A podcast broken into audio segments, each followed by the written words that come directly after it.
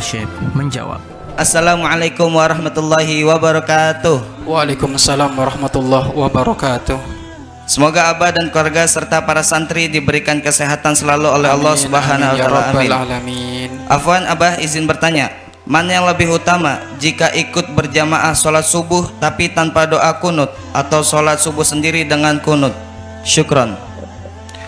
Baik. Lebih utama mana sholat subuh berjamaah tanpa kunut, sholat sendiri dengan kunut. Utama sholat berjamaah dengan kunut.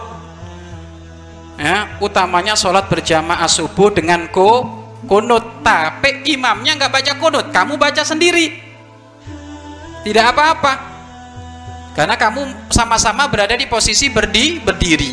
Imamnya itidal, baca doa, dan harusnya baca kunut, dia tidak. Kamu juga itidal, baca doa, tambah ku, kunut. Tapi kunutnya disingkat. Maksudnya dipercepat. Gak apa-apa. Itu terjadi di Mekah Madinah kan seperti itu. Mekah Madinah kan tanpa kunut. Tapi dia memberikan kesempatan kepada jamaah untuk membaca ku, kunut. Kunut disepakati oleh para ulama sunnah. Khususnya dalam madhab kita Imam Syafi'i. Kunut subuh memang ada perbedaan ulama, tapi kalau jumhur ulama Syafi'i nggak ada. Tapi pendapat yang lain kayak Imam Malik, Abu Hanifah nggak nggak ada kunut subuh. Tapi kalau kunut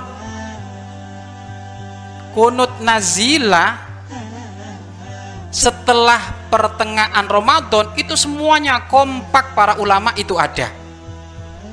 Dianjurkan kunut nazila 15 ke atas ya Ramadan itu semuanya ulama kompak. Hanya ada beda saja dalam madhab Imam Abu Hanifah. Kalau Imam Abu Hanifah kunutnya sebelum ruku.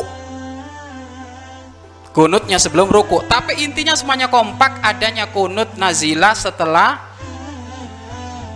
separuh dari bulan Roma Ramadan.